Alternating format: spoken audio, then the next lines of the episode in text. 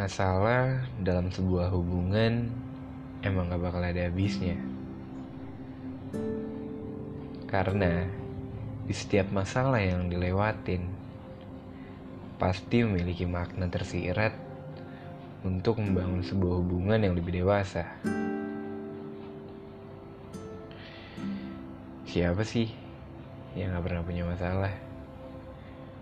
Pasti di antara kita pernah lah yang namanya ngadepin sebuah masalah. Mulai dari masalah yang kecil sampai masalah yang besar. Dan macam-macam juga cara buat ngadepin masalahnya.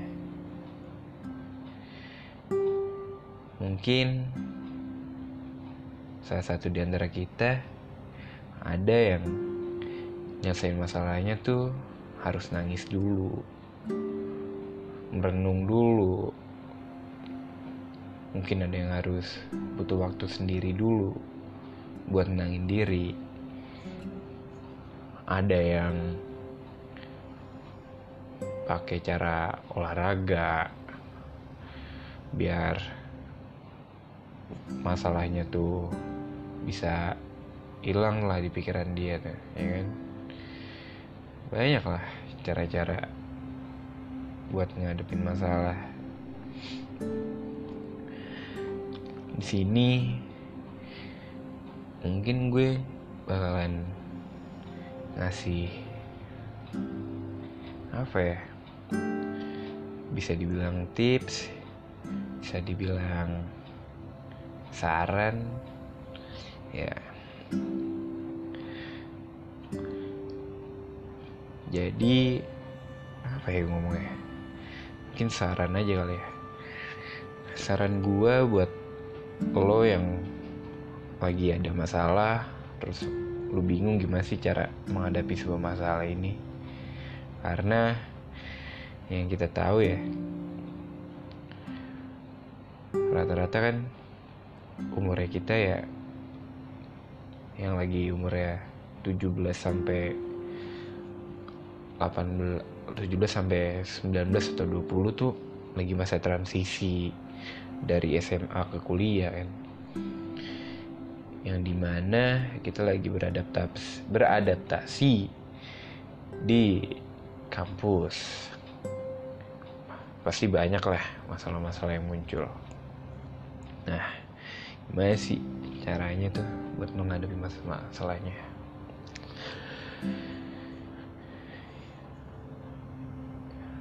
kalau saran dari gue ketika lo lagi ngadepin sebuah masalah lo boleh ngeluapin emosi lo.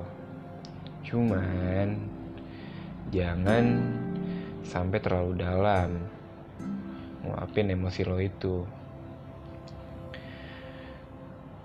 Contoh ketika lo lagi ada masalah terus lo nangis nangis nangisnya sekejar kejarnya lo nangis.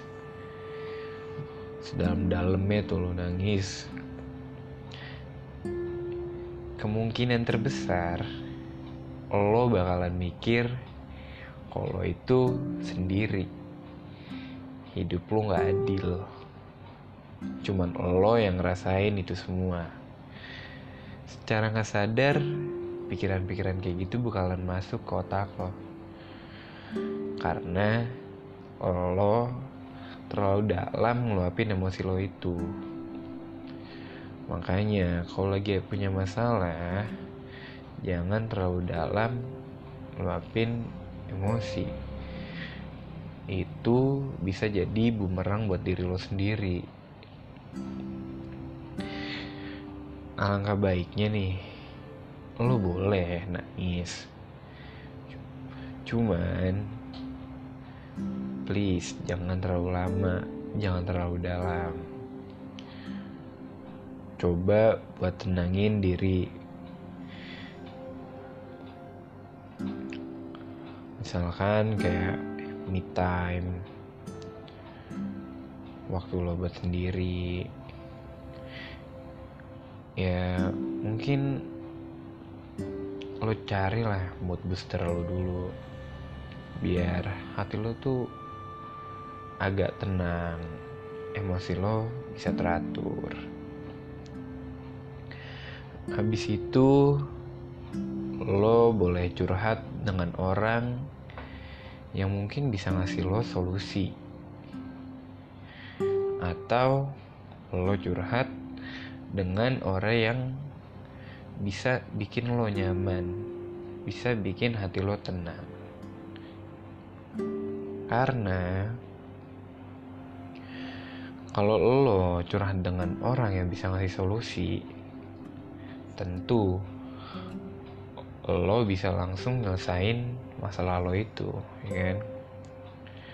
Dan kalau lo curhat dengan orang yang bisa bikin lo nyaman bikin lo tenang bisa ngatur emosi lo di situ lo bisa bertukar pikiran dengan dia. Lo bisa minta pendapat dia. Walaupun ya itu nggak memberikan solusi lo. Tapi setidaknya emosi lo itu udah bisa lo atur. Enggak kayak sebelum lo curhat dengan dia emosi lo tuh masih tinggi masih di atas rata-rata. Nah ketika lo udah curhat selesain deh masalah lo masalah lo secepat-cepatnya tuh. Jangan tunda-tunda. Biar hati lo tuh lega. Karena kayak ketika lo punya masalah dan masalah itu selesai pasti ada kepuasan dari diri lo sendiri kan? Kayak lega nih plong tidur enak kan? Nggak mikirin masalah. Tuh makanya cepet-cepet selesain kalau punya masalah. Nah ketika lo lagi nyelesain masalahnya coba buat mikir dengan dua sudut pandang maksudnya gimana jadi ketika lo sedang punya masalah dengan orang lain lo coba uh, memposisikan diri lo ke diri orang itu. Kenapa lo harus ngelakuin ini? Karena ketika lo cuman melihat dari satu sudut pandang, kemungkinan terbesar sifat egois lu bakalan muncul. Lo bakal ngerasa diri lo paling benar. Kayak dia yang salah, gue yang benar. Sifat itu, pikiran kayak gitu bakalan muncul ketika lo nggak memposisikan diri lo ke orang lain. habis itu jangan pernah kebawa emosi kalau lagi nyelesain masalah karena lo udah coba tenangin diri lo lo udah coba curhat dengan teman-teman lo. Setidaknya itu yang jadi bekal lo ketika lo udah di lapangan ketika lo udah sedang menyelesaikan masalahnya. Itu jadi bekal buat diri lo biar lo bisa ngatur emosi coba buat fokus sama masalah lo jangan mikirin omongan dia. Misalkan kayak dia ngomong yang gak enakin hati lo coba lo atur emosi lo buat gak kemakan omongan dia. Lo pelan-pelan jelasin. Lo coba ambil langkah-langkah yang bijak, keputusan-keputusan yang bijak. Jangan sampai langkah yang lo ambil itu salah. Gara-gara emosi lo yang lagi gak sehat. Nah yang ada masalah itu bakalan beranak. Bakalan menimbulkan masalah-masalah yang baru. Yang ada masalah lo tuh nggak bakalan kelar-kelar. Bakalan terus ada coba deh. Selesaiin masalah tuh dengan pala dingin. Enjoy aja nyelesain masalahnya jangan lo nya juga jangan sampai panik. Biar lo bisa mikir dengan jernih. Kalau lo lagi panik nyelesain masalah lo bakalan kayak terima aja gitu apa yang dia omongin sama dia bakal masuk ke hati lo terus. Lo nggak bisa ngefilter omongan mana yang harus lo tangkap mana yang harus lo buang. Jadi coba deh berpikir dengan kepala dingin kalau lagi nyelesain masalah. Ya menurut gue segitu aja sih saran-saran gue buat lo yang lagi ada masalah atau yang lo mau nyelesain masalah karena setiap masalah pasti punya jalannya masing-masing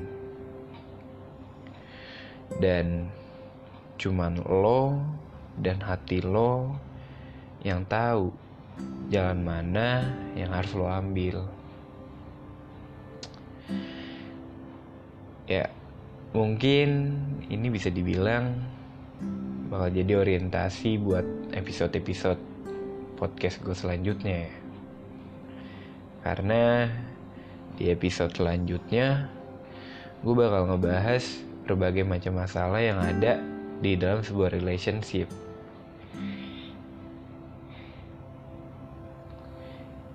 Gua Adi dari Suranadi melalui semua cerita yang bakalan nemenin malam-malam indah lo. Good night.